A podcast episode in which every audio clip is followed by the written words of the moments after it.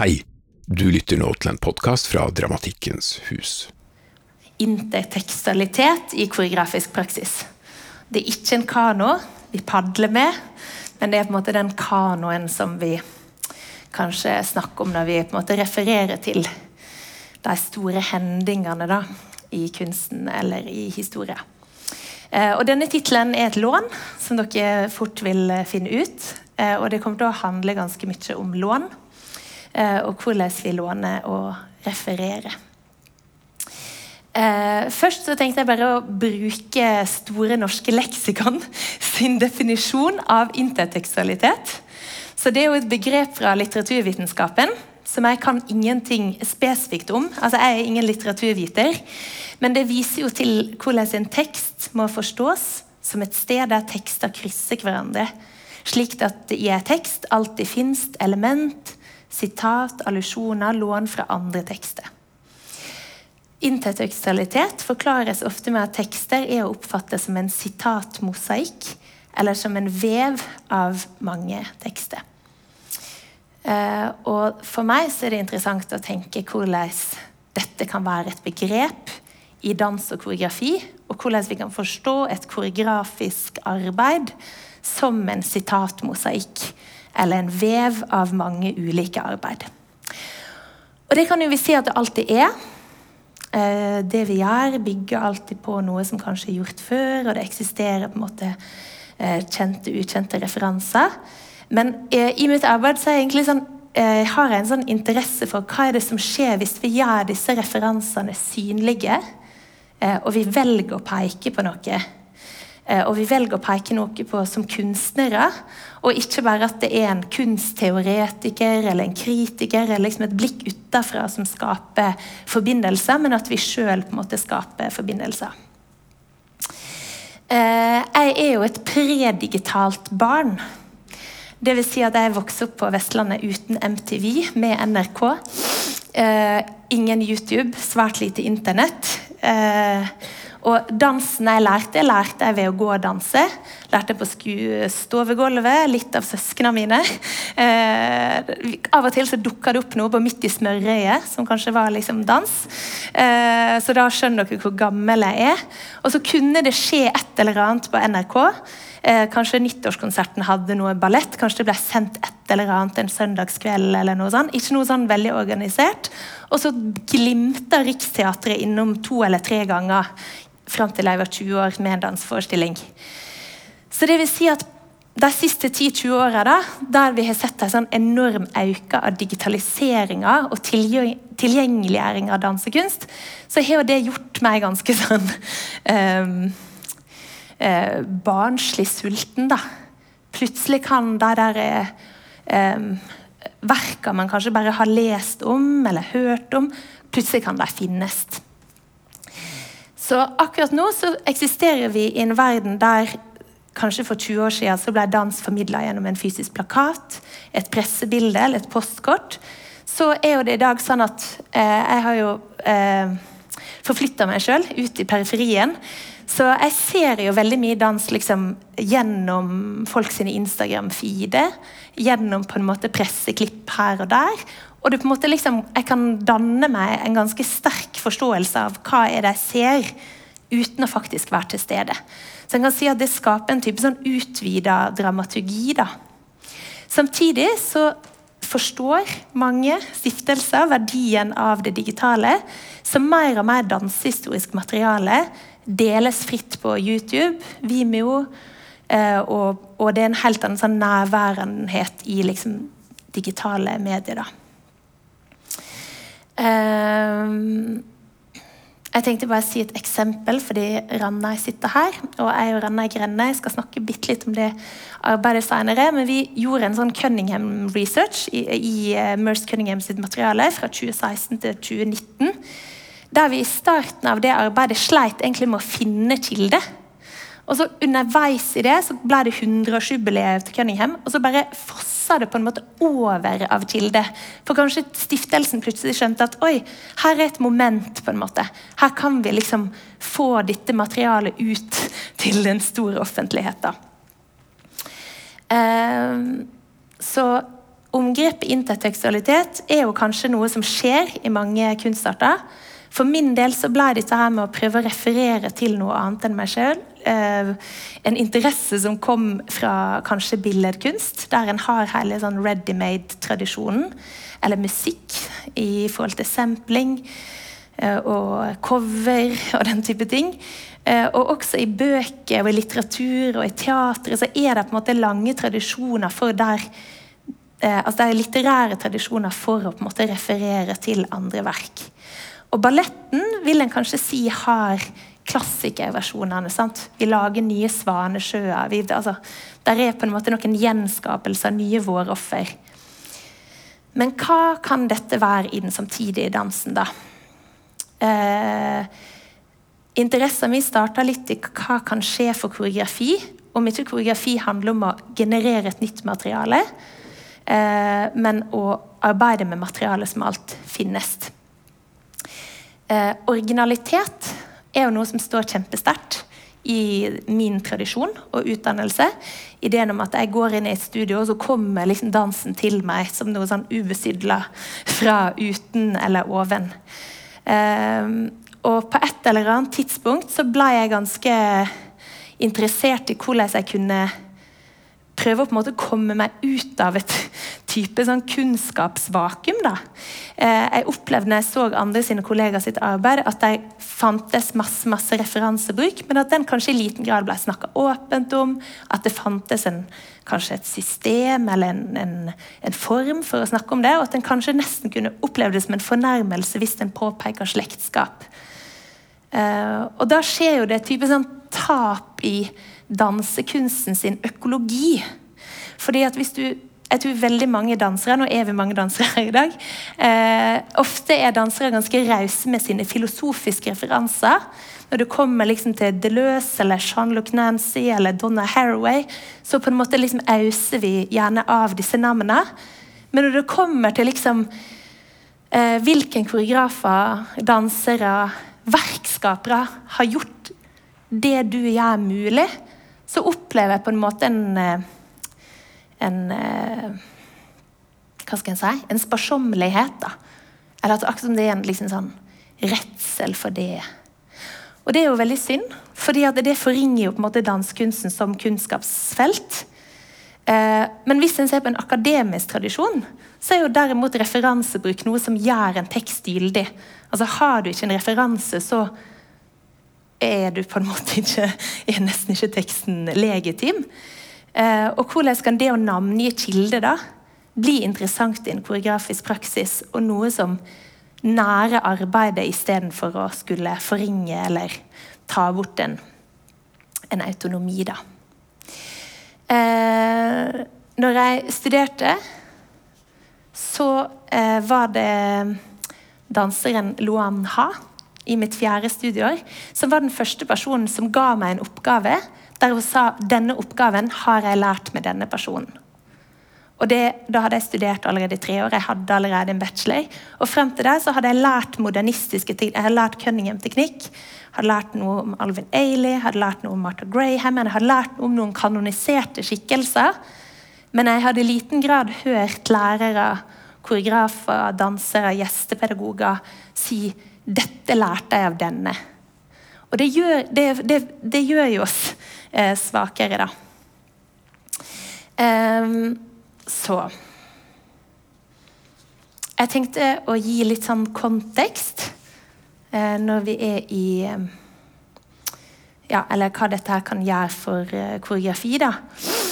Eh, så mange dansekunstnere nå, eh, det her er kanskje, det vet noen, vet ikke alle, men det er veldig mange som jobber i dansefeltet, kombinerer jo det å skape, framføre, undervise, initiere, arrangere, formidle og publisere.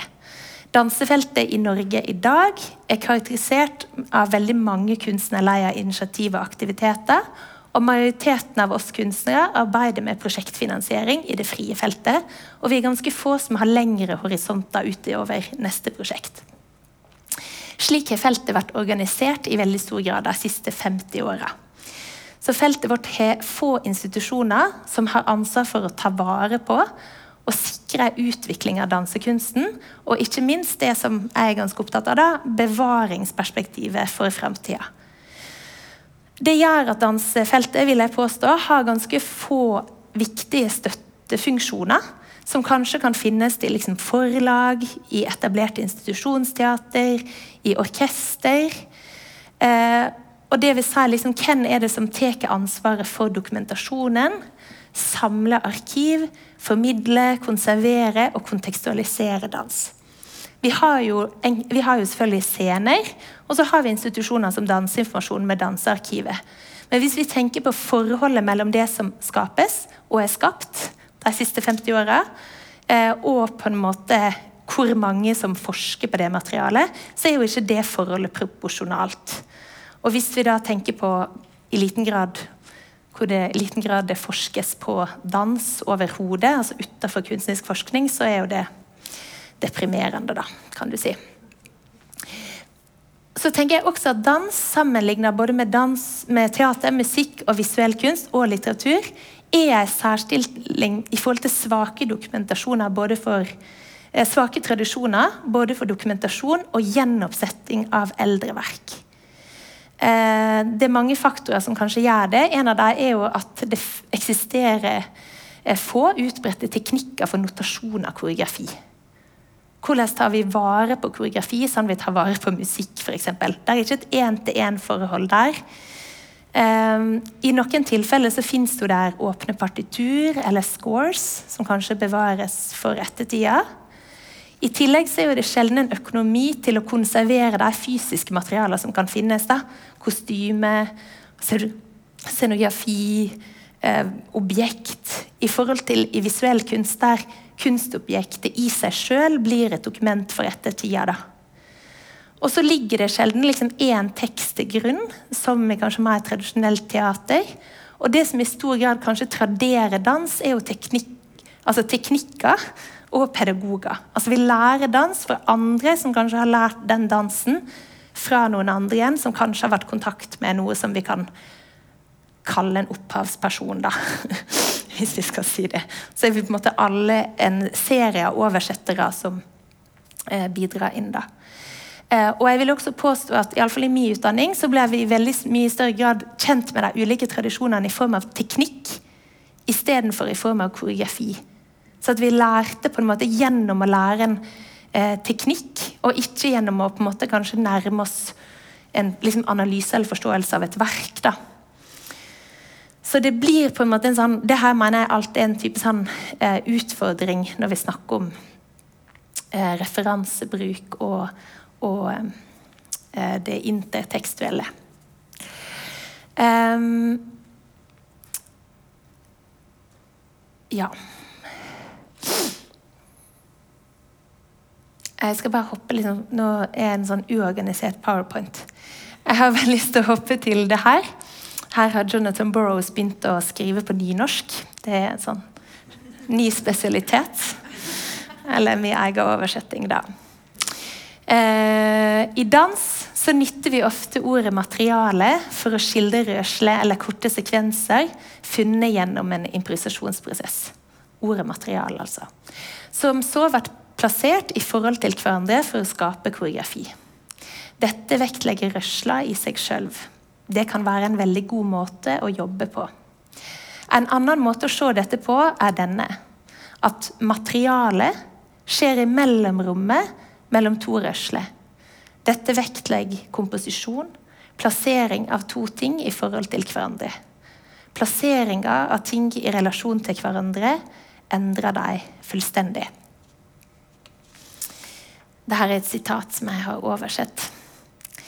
Og jeg har på en måte oversatt det litt lenger, så jeg har på en måte blitt interessert i hva det er som skjer om vi flytter det å koreografere fra å generere materiale til å arbeide med materiale som alt eksisterer, der koreografi ikke lenger trenger å omhandle en innovasjon av bevegelse, men komposisjon og transformasjon av alt eksisterende materiale, som får nye kropper kroppsligheter, andre framtider og sammenhenger. Eh, så når jeg snakker om intertekstualitet og arbeid med arkiv, så snakker jeg om det med en koreografisk interesse Og det vil si at jeg er ikke interessert i uh, ideen om reenactments, f.eks., eller uh, homasjer. Å skape på en måte museum. Um, men egentlig på en måte jobbe med praksiser uh, og kilder som kan endre på en måte hvordan koreografi skapes. da. Um, jeg tenkte å snakke om uh, Ja. Jeg tenkte å bare si liksom sånn Hva kan et arkiv være? For der har vi sikkert litt sånn ulike uh, Ja. Jeg har jobba med litt ulike arkiv og litt ulike uh, Ulike Altså arkiv som faktisk finnes, og arkiv som kanskje ikke egentlig helt finnes uh, samla. Så en kan jo si at Et arkivmateriale når jeg snakker om arkiv i forhold til dans, kan jo være et fotografi. Det kan jo være en eh, filmdokumentasjon, en pressemelding. Eh, jeg vil også påstå at teknikktradering er et arkiv. Eller at vi går inn i en legacy gjennom å lære en teknikk. Så liksom, Idet vi lærer Graham-teknikk, så fortsetter kroppene våre å bære på en måte et arkiv etter den koreografen. Eh, scores kan man finne et arkiv om man er heldig. Intervju, muntlige kilder. Eh, og f.eks. enkelte arkiv kan jo være så interessante at man både har eh, på en måte opphavspersoner sine kilder, men også alle andre rundt. da, De ulike tidsvitnene, samarbeidspartnere etc. Program og programtekster, kritikker og faglitteratur er jo ikke direkte en del av arkivet, men vil jo på en måte bidra til arkivets tilgjengeliggjøring, da. Um, så ja. Frem til eh, Eller i mange år, kanskje Ja. Mange av dere som sitter her i dag, har jeg jobba sammen med. Uh, uh, I mange år så uh, var jeg litt sånn besatt av det her med å finne materiale og jobbe med lån og jobbe med gjenbruk av materiale som alt eksisterer. Eh, og på et eller annet tidspunkt så ble det en, en eh, ja, en, en, liten sånn krakelering i logikken min, der jeg på en måte merka hvordan eh, veldig mye av det jeg jobba med, var kanonisert materiale. Eh, og at det materialet jeg jobba med, var det materialet jeg kunne finne tilgjengelig. Så på et eller annet vis så var på en måte algoritme, store stiftelser, YouTube, Vimeo på en måte en ganske aktiv aktør i hva materialet jeg jobber med som danser. da. Eh, og så ble jeg opptatt av det andre lånet, som dere kan se her i kveld. Eh, kultur, eh, kulturforskeren Aleide Asman, eh, som denne tittelen 'Mellom kanon og arkiv' kommer fra. Eh, hun skriver i teksten 'Canon and Archive' fra 2011 om hvordan monumenter former vår felles kollektive hukommelse. Og der kan jo, Hvis vi overfører dette til dans, da, så kan vi på en måte snakke om hvordan kanoene på en måte former vår felles kollektive hukommelse. Og på et eller annet tidspunkt, og dette her er jeg på en måte ikke alene om å finne ut av, det, men på et eller annet tidspunkt så ble det ganske interessant for meg at jeg kunne navngi så mange amerikanske, belgiske, franske, tyske koreografer fra 30-, 40-, 50-, 60- og 70-tallet. Jeg kunne til og med liksom, anekdotene fra Judson Church, liksom. Men jeg hadde problemer med å navngi en eneste norsk koreograf fra 70- 80-tallet. Eh, 80-tallet, greit. Der kan jeg noen. Men 60-70-tallet, da. Eh, og I tillegg til det så um, kunne jeg navngi ganske mye om, eh, om de eh, andre kunstnere som eksisterte samtidig i norsk sammenheng. Eh, og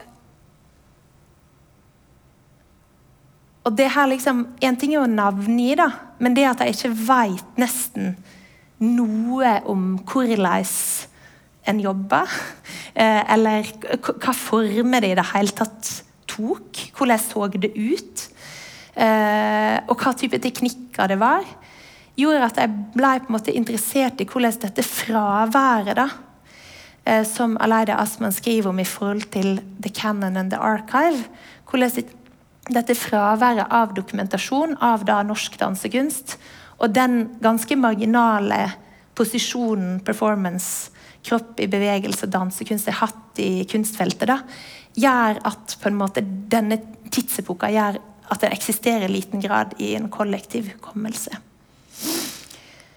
Eh, og da begynte jeg å jobbe. Eh, eller ja Jeg vet ikke helt når jeg begynte å jobbe med hva. Eh, ting veves over i hverandre. Men jeg ble interessert i å finne ut Finne en parallell da, til disse eh, amerikanske his, heroiske ja, eller skikkelsene. Eh, og da begynte jeg å jobbe med utgangspunkt i, eh, i kompaniet Oi, der har vi vært. I kompaniet Høvik Ballett. Eh, og det som jeg var interessert i i dette møtet, var å prøve å finne ut av materialer som eksisterer fra dette kompaniet i dag. da. Eh, dette bildet er et lån fra Henny Jonstad eh, sin arkivbilde.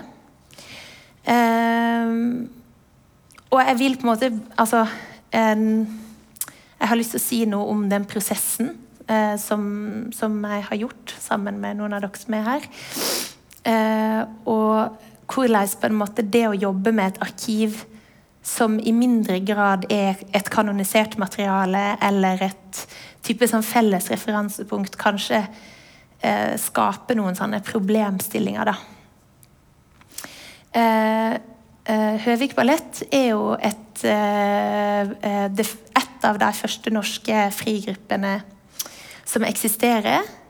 Det blir etablert av seks nyutdanna dansere, først som et aksjeselskap som de kalte Dans 69 før de skifta navn til Høvik Ballett og etablerte seg på nyåpna Henny Onsdag kunstsenter. Og her holder jo denne gruppa til gjennom 20 år, da. Eh, koreografen og danseren Merete Bergersen er med fra start til slutt og lager mer enn 50 verk for kompaniet. Med i den perioden, og Dansere som Tone Westad og Anne-Britt Kjelsrud er to av de medlemmene som er med i store deler av gruppa sin eksistens. Totalt er det likevel mer enn 70 ulike dansekunstnere tilknytta gruppa i alt fra enkeltprosjekt til flerårig engasjement. Da. De første åtte åra er Miriam Skjørten kunstnerisk leder. Eh, men gruppa, i god 70-tallsånd, etterstrevde en demokratisk struktur der de veksla mellom å koreografere og lede. De gjorde alt administrativt arbeid sjøl. Miriam Skjørten gjorde en del for deg, men det var på en måte en, en kollektiv struktur da, i forhold til oppsetninger, tilrettelegging av turné, søkemidler osv. I arven etter deg da, så kan vi si at det fins både nye støtteordninger, bedre produksjonsvilkår, for de gjorde et viktig kulturpolitisk arbeid, en eksperimentvilje eh, til kunst, tverrkunstneriske samarbeid, og formidle dans både i kunstneriske, pedagogiske og sosiale sammenhenger. Samt at det var ideer om et nasjonalt turnénettverk. Eh, når jeg skulle gå inn i dette prosjektet, så heter prosjektet først 'Oppkomet'. Og det var en ganske optimistisk tittel. En idé om at jeg skulle komme til noen kilder, noen skjulte kilder, som ville piple opp fra grunnen eh, og være på en måte ganske eh, ja, saftige, da. Eh, og så opplevde jeg egentlig istedenfor at eh, materialet var veldig, veldig spredt. Altså Det er viktig å si at eh, i møte med det at, at det ikke finnes ett samla arkiv da, noen sted etter Høvik Ballett. Det fins spor i NRK sitt arkiv, forvalta av Nasjonalbiblioteket, i arkivet på Henny Onsdag, og det best organiserte er jo det som finnes i dansearkiv på Danseinformasjonen. I tillegg ble det gitt ut en jubileumsbok i 2019. Men som forskningsmateriale så er den boka ganske mye prega av personlig eh, ja, kanskje memoarer og sånn, og i mindre grad kanskje kritisk drøftende, da. Og så tror jeg det fins masse film, foto, notatbøker og presseklipp på loft og kjellere som ennå ikke nødvendigvis er en del av, av det offentlige. da. Eh, så det vil si med andre ord at dette er et, liksom et ganske fragmentert materiale med et ganske spørsommelig eh, ja, sparsommelig eh, så eh, eh, Altså sparsommelige kilder, da. Um, ja, og en av de, en av de eh, altså En av sånne frustrerende bevegelser som skjedde, var f.eks. å lese at ja, ja, her har det vært en innspilling av denne balletten. det har vært en innspilling av denne balletten, Og så leite, leite, leite, leite, leite, leite etter denne balletten som er spilt inn i 1975. For å liksom gå en sånn full sirkel der man bare får vite at nei, den, den, den ble sletta på 80-tallet. Og det tror jeg ikke hadde skjedd med et orkesterverk av Arne Norheim. da. Eller en, altså Det er sikkert mye som er sletta, men det er ganske interessant hvor eh, Altså den statusen da, eh, dette har. Og hva, hva, handler det om? Jo, det handler om at de er kvinner. Det handler om at eh, de er et kollektiv. De er ikke liksom den ene kunstneren. Og det handler jo sannsynligvis også veldig mye om at de jobber med dans. Eh, de var jo rundt omkring der, liksom. De holdt jo på holdt på, disse danserne. Men på en måte verket sin status da, er jo ganske mye mindre enn hvis vi tenker på disse kunstnerne jobber med Inge Sitter, Jan Groth, Olav Strømme, Jan Erik Vold. Og når jeg sier alle disse navnene, så eksisterer det kanskje bilde i hodet av dere. Men når jeg sier navnet Høvik Blessers, det sikkert eksisterer bilder, og kanskje mye mindre bevegelige bilder. da. Um, ja, så prosjektet her så tenkte jeg bare jeg skulle jeg sier alle som jobber i dette prosjektet sammen med meg. Prosjektet endrer veldig fort Ikke fort, da. Det endrer ikke fort, men et, etter en tid så endrer prosjektets tittel fra oppkommet til 'Fra form til famling'. Og 'Fra form til famling' er en reversering av en tittel fra 1969 eh, som var 'Fra famling til form', som er en sånn fin modernistisk klang. Man går fra det uklare til det klare, som var et NRK-program er første gang eh, som, som, jeg har funnet da. Eh, Høvik Ballett blir filma. Eh, og her eh, ligger Ilse Kikire eh, i trappa på Henny Onsdag. Det er henne som jeg har tatt bilde av. Eh, ja. Dette, kanskje for deg som er på podkast, skal jeg si. Jeg gjør dette arbeidet da sammen med Ilse Gikire, Terje Tømme Mossige, Per Roar og Magdalena Solli. Og eh, Solveig Fagermo gjør kostyme, Elisabeth Kjelder Nilsen gjør lys. Og musikken komponeres av Anne Marte Sørlin Holen, Jan Martin Smødal og Kristine Tjøgersen. Um, Sigrid Øvre Svendal på Danseinformasjonen har vært liksom min absolutt viktigste kilde til både å finne frem og til å forstå det materialet jeg har jobba med. da.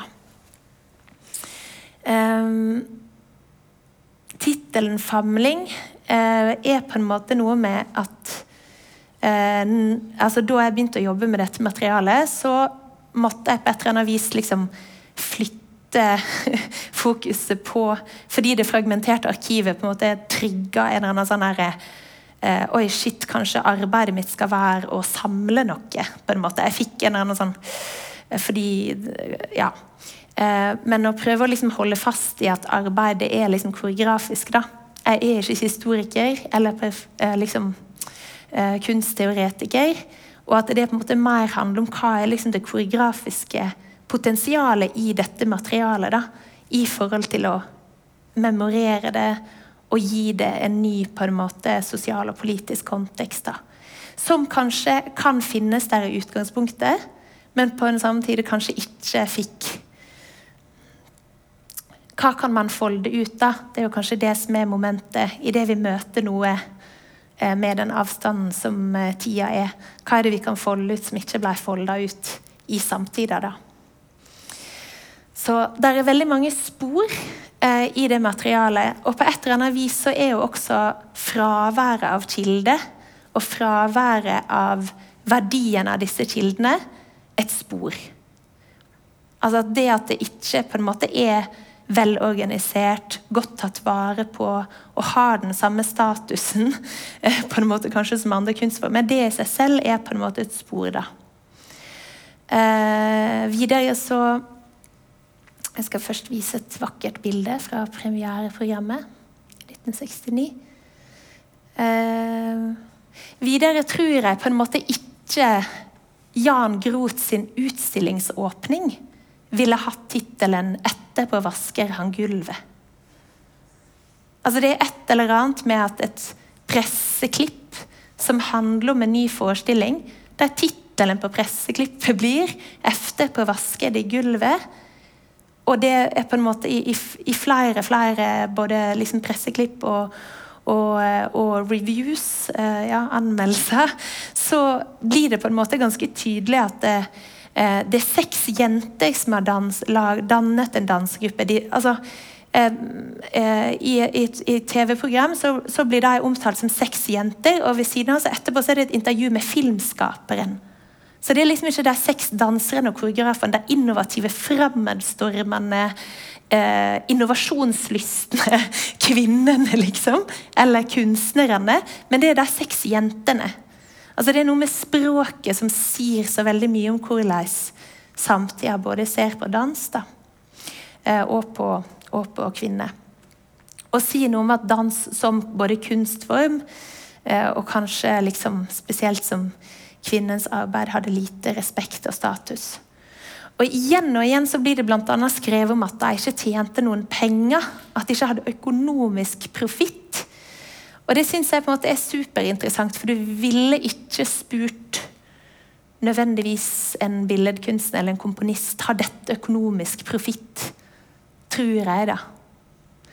Eh, så jeg synes det er interessant hvordan det er så utrolig mange andre rare sted som skal prøve å validere arbeidet deres, da, istedenfor faktisk å gå inn i hva er det de eh, gjør. da. Um, i tillegg, når jeg gikk inn i det her materialet, tenkte jeg bare å Her er et bilde fra Henny Jonstad eh, arkiv. Og da til høyre så kan dere på en måte se Det fins kjempe, kjempemange sånne rader av negativer. da. Det er liksom veldig vanskelig å si sånn Ja, det her er en gang mellom 73 og 75, kanskje. Kanskje prøve å finne ut hva som er på veggen, så kanskje en kan finne ut av hvilken utstilling det er. Men på en måte liksom materialet det er tatt vare på. da.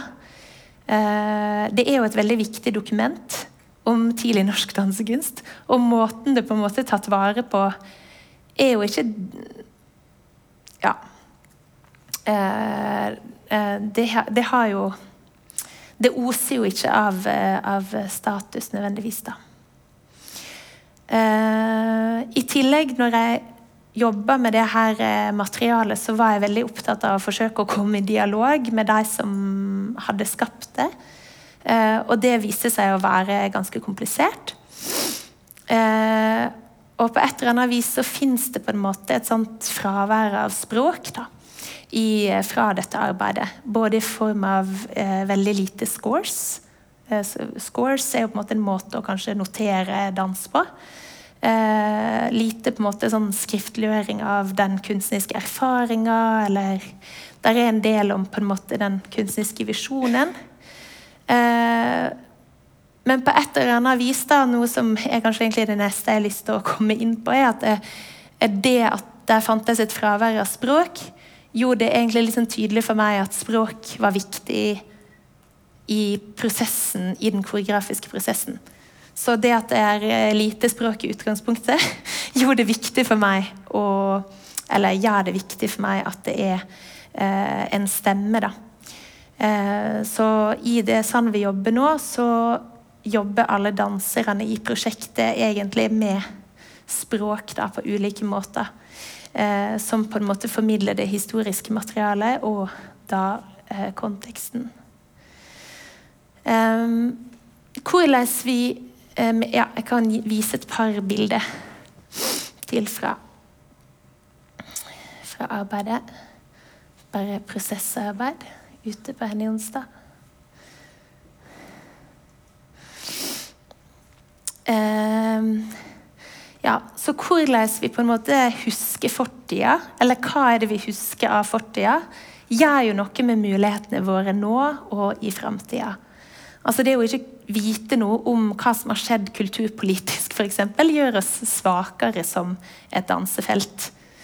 Eh, og samtidig på en måte ikke vite hva er det som kunstnerisk har skjedd. Hvordan så det ut? Hva egenart hadde det? Um, og hele veien hva type referanser, bevegelser og teknikker er det jeg husker i kroppen min? Og hvilken måte, kunstnerisk arbeid er det jeg gir referanse til og ikke, da. Uh, ja. Jeg tenkte bare å eh, gjøre en sånn sammenligning. Eh, for det her er tre ulike eh, arkiv som jeg har jobba med. Litt sånn eh, i overlapp. Eh, som sagt, jeg og Ranna jobba med prosjektet 'Flakkende røynd' i møte med Merce Cunningham fra 2016 til 2019. Eh, så i høst så jobba jeg sammen med Jan Camilla Lyster. Vi laga hver vår solo i relasjon til arkivet den israelske koreografen Noah Eshkol. Og så jobber jeg nå med Ilse Magdalene Terje og Per Roar med eh, det tidlige arkivet til Høvik Balletta. Jeg jobber ikke med de 20 år, jeg jobber med de første åtte åra, da Miriam Skjørten er leder. Eh, men det er noe sånn interessant å, å på en måte eh, sånn under altså på en måte Hva er statusen f.eks. For, for dokumentasjonsmateriale? da? Der det i de to første tilfellene eksisterer ganske mye dokumentasjonsmateriale. Og i det siste tilfellet eksisterer ganske lite dokumentasjonsmateriale. Og da mener jeg på en måte eh, filmatisering av det. eller sånne type ting.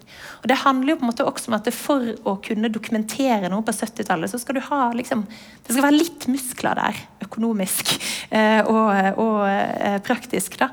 Så det her er jo ikke noe som er det her gjelder jo ikke bare for dans, det her gjelder jo også for tidlig performancekunst. Det gjelder for eksperimentelle teaterpraksiser i denne perioden.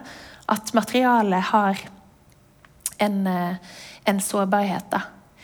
Eh, og så I de to første tilfellene så eksisterer jo der en stiftelse eh, som forvalter materialet. Og I tilfellet er Eshkol, så eksisterer det også notasjonssystem som hun utvikla. Merce Cunningham utvikla masse, masse dataprogram. Eh, Cunningham skapte en kodifisert teknikk. Eshkol har også utvikla en teknikk. Det er faktisk ganske mange referansepunkt mellom de teknikkene. Eh, og I tillegg så eksisterer det de to første tilfellene dansere som levende arkiv. Da. Det vil si, det finnes folk i dag som kan formidle disse koreografene sine materialer, eh, teknikker, ideer, prinsipp, bevegelsessystem eh, gjennom kroppene sine, fordi de faktisk har jobba med dem. Og det fins sikkert også det i tilfelle Høvik Ballett, men jeg har ikke fått eh, kontakten med det, da. Eller der er ikke et eh, der er ikke et, nødvendigvis et aktivt ønske eh, om å dele det. Eh, det tror jeg handler veldig mye om at, og det synes jeg er en viktig ting å si, om at vi i en offentlig sammenheng at Høvik ballett ble brutalt lagt ned eh, over natta i 1989.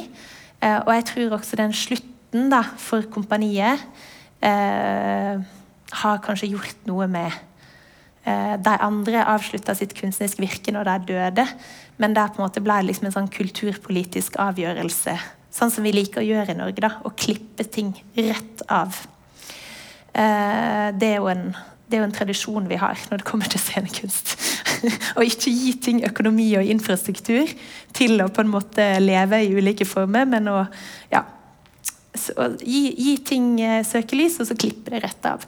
Eh, og det skaper en ganske eh, dårlig situasjon, kanskje for økosystemet, og kanskje liksom uh, Kanskje det også er medvirkende i hva grad vi er liksom rause. da. Altså På et eller annet vis så handler kanskje intertekstualiteten også om en sånn raushet. da. At jeg må kunne si liksom, 'Dette mennesket har gjort det mulig for meg, det jeg gjør.' Men kanskje det gir et visst overskudd. Eller det, må, det krever et visst overskudd, og at feltet kanskje har eh, med såpass sånn sparsommelige ressurser, så har kanskje det vært krevende, da. Uh, ja. Hvordan referere til et ukjent materiale for en større pub, uh, videre uh, publikk. I tilfelle både Cunningham og Noah Eshkol Noah Eshkol kan en på en måte finne et endeløst materiale av. Det samme kan en gjøre med Cunningham. Det gjør noe med at når jeg som koreograf kanskje plassere arbeidet mitt i å liksom sample eller referere eller bruke et score eller det ene eller det andre, så kanskje ikke det på en måte Eller akkurat sånn som jeg har det akkurat nå, så fordrer det noe annet enn når jeg velger å referere til Høvik ballett, som i mindre grad er et kanonisert materiale, da. Uh, det, det, uh, akkurat nå setter jeg noen større krav til min egen transparenthet, og, og at jeg opplever et større ansvar i forhold til eh, overleveringer da, i, i, det man nærmer seg et publikum. Eh, også fordi at det å referere til et verk er også en måte å gi verk makt og innflytelse på. da. Eh, og når vi jobber med et arkiv, så fortsetter vi på en måte å skrive denne historien til dette arkivet. da. Altså, mine ord eh, blir viktigere kanskje enn det som originalt var skrevet der. Og da blir det viktig for meg å, å tydeliggjøre at i møte med arkivet så er det min kunstneriske måte, fortolkning, oversettelse og på en måte singulære møte. Og ikke på en måte et forslag om å fortelle en sånn sannhet eller å konsolidere en historie. da. Um, men jeg opplever at det der er en sånn etisk uh, utfordring når man jobber med mer marginaliserte praksiser, for å si det hvis man kan kalle det det. Um, uh, enn når man jobber med et kanonisert materiale. Da. Um, ok. Så jeg hadde lyst å å bare referere til noen arbeid som gjorde, har gjort noe med meg. Det er mange flere som har gjort noe med meg. Um, som også jobber med på en måte arkiv på forskjellige måter. Da. Og akkurat nå tenkte jeg sånn, oi, kanskje jeg burde egentlig hatt sånne trailere eller filmer. Men dere får google det når dere kommer hjem, da. Et arbeid som jeg tror mange her så, som jeg så i 2014, var arbeidet til Tragel Harold eh, og Cecilia Bengolea fra Chynat og Marlene Freitas i Mimosa or 20 Looks or Paris is Burning at the Judson Church. Dette var et verk på Black Box Teater, eller var gjort mange mange plasser. Det spilte på Black Box Teater, men det på en måte stilte liksom spørsmålet Judson, som var en, eh, en viktig sånn kanonisert eh, leverandør, kan vi Nei, vi kan ikke kalle det en leverandør, men viktige, kunst, altså viktige kunstnere for den liksom samtidige dansen. da, Amerikanske eksperimentelle kunstnere som jobba på 60-tallet i et kollektiv. Veldig mange kjente koreografer som jobba med liksom, dans som aksjon. All bevegelse kan være dans. liksom Cage, John Cage bare i dans, på en måte. Uh, uh, minimal dance. Dans som, som, på en måte ikke kunne forstås som dans. Altså alle disse her eksperimenter og kanskje også privilegier. Så spurte Tragel hva hadde skjedd om den parallelle Voging-scena som var på 60-tallet, hadde kommet inn. da. Så skaper han på noe et sånt fiksjonelt møte. Og der jeg vil si liksom at å kjenne Judson og vite noe om eh, Paris is Burning er jo en film som ble vist parallelt. Disse tingene er jo på en måte det er jo nettopp i den vevskontrasten at dette verket virker. da det er den oversettelsen kanskje de, Tragel, med alle disse her, eh, skaper og gjør. Eh, Mette Ingvardsen gjorde et prosjekt som heter 69 Positions, der hun oversatte på en måte sin interesse for eh, seksualitet og dans i relasjon til på en måte eh, et stykke som heter Meat Peace, tror jeg eh, fra 60-tallet.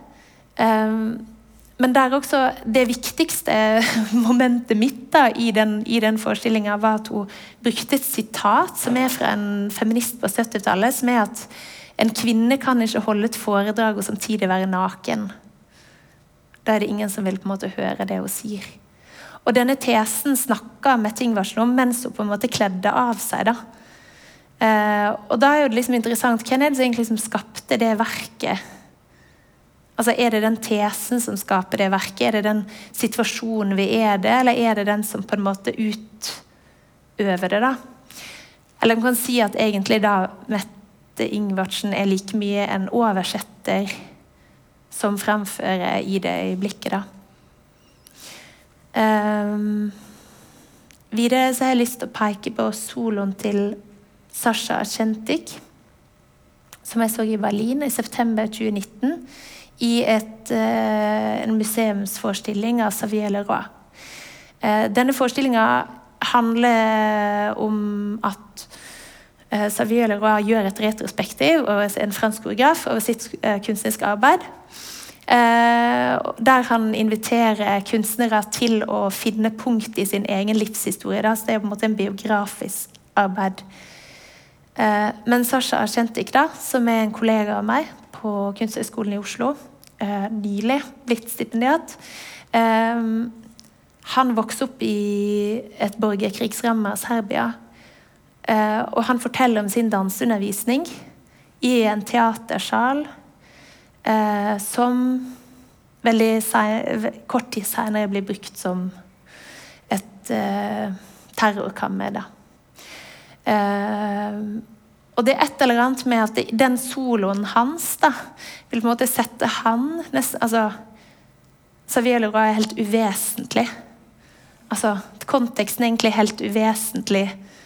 Det er egentlig hans solo, hans eh, historiske utforskning da, av disse årstallene som blir det egentlig eneste vesentlige og på en måte eh, interessante i dette. Ja, det er et møte med et, man kan si det er et møte med Xavier Leroy sitt arkiv, men der materialet til Xavier Leroy egentlig blir, eh, for min del iallfall, fullstendig uvesentlig i møte med den levde realiteten som Sasha formidler gjennom eh, ja, soloen og sin eh, fortelling, da. Um, og så um, tenkte jeg å uh, peke på uh, Islami, Jerislami, som er en israelsk-amerikansk koreograf, som har gjort en lecture-serie som heter Paramodernities, der hun jobber med sampling av ulike sånn kanoniserte material. Og så plasserer hun det i møte med eh, foredrag da, som på en måte sier noe om, en, om den samtida de arbeidene var lagd i. Eh, og eh, jeg tror kanskje liksom eh, den Paramodernities den ble gjort som en del av en sånn digital visning. Den her digitale Eh, vi hadde en sånn digital lykke alle sammen i 2020, der vi trodde at vi skulle slutte å gå på museum og alt skulle skje digitalt. Men det var jo mye gøy som skjedde digitalt også. da, Denne, Dette bl.a. materialet fra USA som ellers ikke jeg ville ha sett. Um, men veldig ofte så lærer jo vi kanskje om kunstneriske arbeid ja, I den grad vi lærer om det, da. Så lærer vi om det kanskje isolert. Og på det tidspunktet på en måte det får resonansen av ja, hva var samtida disse kunstnerne virka i, og hva var det som skjedde parallelt som ikke fikk lov å eksistere? da? Som ikke fikk lov å være en del eh, av eh, enten kanon eller kunsten, eller på en måte i, side, i sidesynet, da. Eh, fordi det er alltid på en måte eh, vi har liksom det dokumenterte, men samtidig så er dansekunsten så mye sånn akkumulert kunnskap. Det er praksis som blir båret av mange forskjellige kropper. da. Og Noen vil kanskje si at faren med å på en måte referere altså eksempel her, Jeg har gjort et utvalg av noen kunstneriske arbeid som jobber med arkiv, som har gjort noe med meg. Så er det noen andre jeg ikke har satt opp, som kanskje jeg kunne satt opp. Og Faren med å referere kan jo være at vi lager noen hierarki. da, å ja, vi peker alltid på deg. Vi peker alltid på den og ikke den. Um, men jeg tenker jo at faren med å ikke referere er jo mye større. At vi ikke lager på en måte flerstemmige eh, vever da, i, kunst, i, kunstfeltet vårt. da. Um, ja. Og det siste materialet var et score som jeg las i Hammerfest sammen med Marte Rautek Sterud og Ann-Kristin Kongsnes, som er her, og Pernille Holden, av den norske koreografen Mette Edvardsen. Og jeg har bare kopiert det scoret fordi jeg syns det er så fint. Um, hvis jeg får det til å virke. Uh, og det her er fra en serie, en bokserie som heter 'Everybodies', som kanskje en del kjenner til. Uh, det var et uh, initiativ av bl.a. Uh, Alicia Shaw og flere, som jobber med sånn 'Everybody's Scorebook', 'Everybody's Everybody's Self-Interview. Det var en serie på en måte med sånn 'Everybody's' på et tidspunkt, tidlig 2000-tall. Eh, og det her var lagd i 2011, og Mette lagde på en måte en referanseliste da, eh, fra en forestilling som heter 'Åpning', eh, som hun på en måte lagde kronologisk. Eh, og jeg veit ikke hva halvparten av det her er, på en måte. Jeg liksom, men jeg ble på en måte så eh, eh, Hva jeg skal si Berørt av, da. Den rausheten på et eller annet vis som ligger i den eh, referanselista. da. Eh, og det er på en måte å jobbe med kanskje det man kan kalle liksom open, open source, eller at man på en måte deler hvor materialet eksisterer fra. Det var også noe vi eh, Jeg forsøkte å gjøre det når jeg gjorde masteren min. Der prøvde jeg å, å gjøre en soloserie på Museum for samtidskunst der jeg kun fremførte materialet jeg hadde sampla fra YouTube, og der YouTube-lista på en måte lå ute. Um, og når vi lagde fremsyninga uh, 'Lightness Flere', så lagde vi en arkeologi, arkeologi uh, der vi lagde på en måte en uh, Det her var ja, jeg, Marte Ann-Kristin, Pernille som nevnt, og så Fredrik Floen, Elisabeth Kjeldal Nilsen, Matilda Karlstrøm og Hanna Gjermundrød. Der vi på en måte prøvde å liste liksom alle de danseriske referansene vi hadde, som dere vil finne. Uh, og også på en måte sted, um, uh, tekster, uh, dikt, serier, forestillinger man hadde sett. ja. Og jeg veit på en måte ikke sånn her, eh, at det er sånn um, Ja, jeg er så nerdete, da. At dette Dette sånn som uh, Dette trigger meg, da. Denne her type material. uh, og jeg tenker at det på en måte gjør noe med oss, da. Å si noe om at uh, dette materialet eksisterer i denne veven, eller i denne, i denne resonansen og så er det på en måte bare så uendelig viktig å si at det gjør ikke verket mindre i, i overhodet. Det gjør ikke verket liksom fattigere. Eh, kanskje eh, ja, heller det motsatte, da. Um, ja.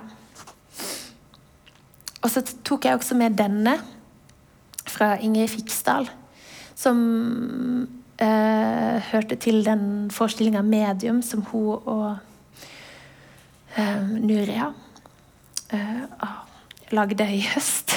Der de jobba med konseptet av the ghost. Uh, og hva de ble liksom haunted by, eller hva de ble gjensøkt av. Uh, der det var en hel serie av referanser. Der, sånn jeg forsto det, så er den første på en måte referansen når arbeidet er lagd, og den bakerste referansen er når de møtte arbeidet. ja. Um,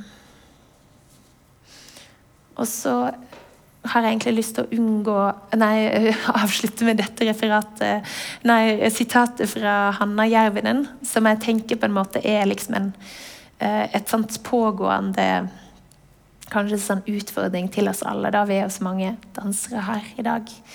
At vi må unngå å referere til på en måte dansehistorie eller kunsthistorie som noe universelt eller enhetlig og at all historieskriving er grunnleggende politisk. Det er et forsøk på å påvirke framtida gjennom å vise fortida i et bestemt lys. Uh, Så eh, Men forhåpentligvis, da, ved å åpne opp og jobbe med å dokumentere våre egne metoder og strategier, så kan vi som felt kanskje bidra til å styrke liksom, en kulturhistorie for ettertida. Og jeg er på en måte ikke Jeg kan bare avslutte med et sånt fint bilde. uh, av Tarjei og Ilse på Sunnmøre.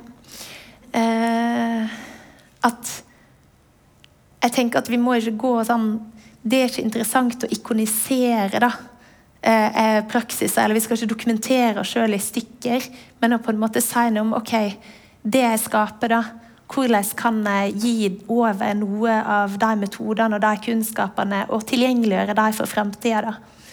Um, fordi vi blir så veldig fattige som felt hvis vi også bare skal ha noen sånn trailere og Altså, ja, hva er det vi deler, da?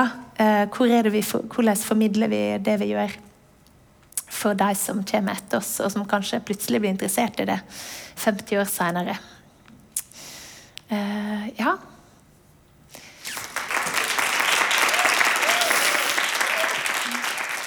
Du har hørt en podkast fra Dramatikkens hus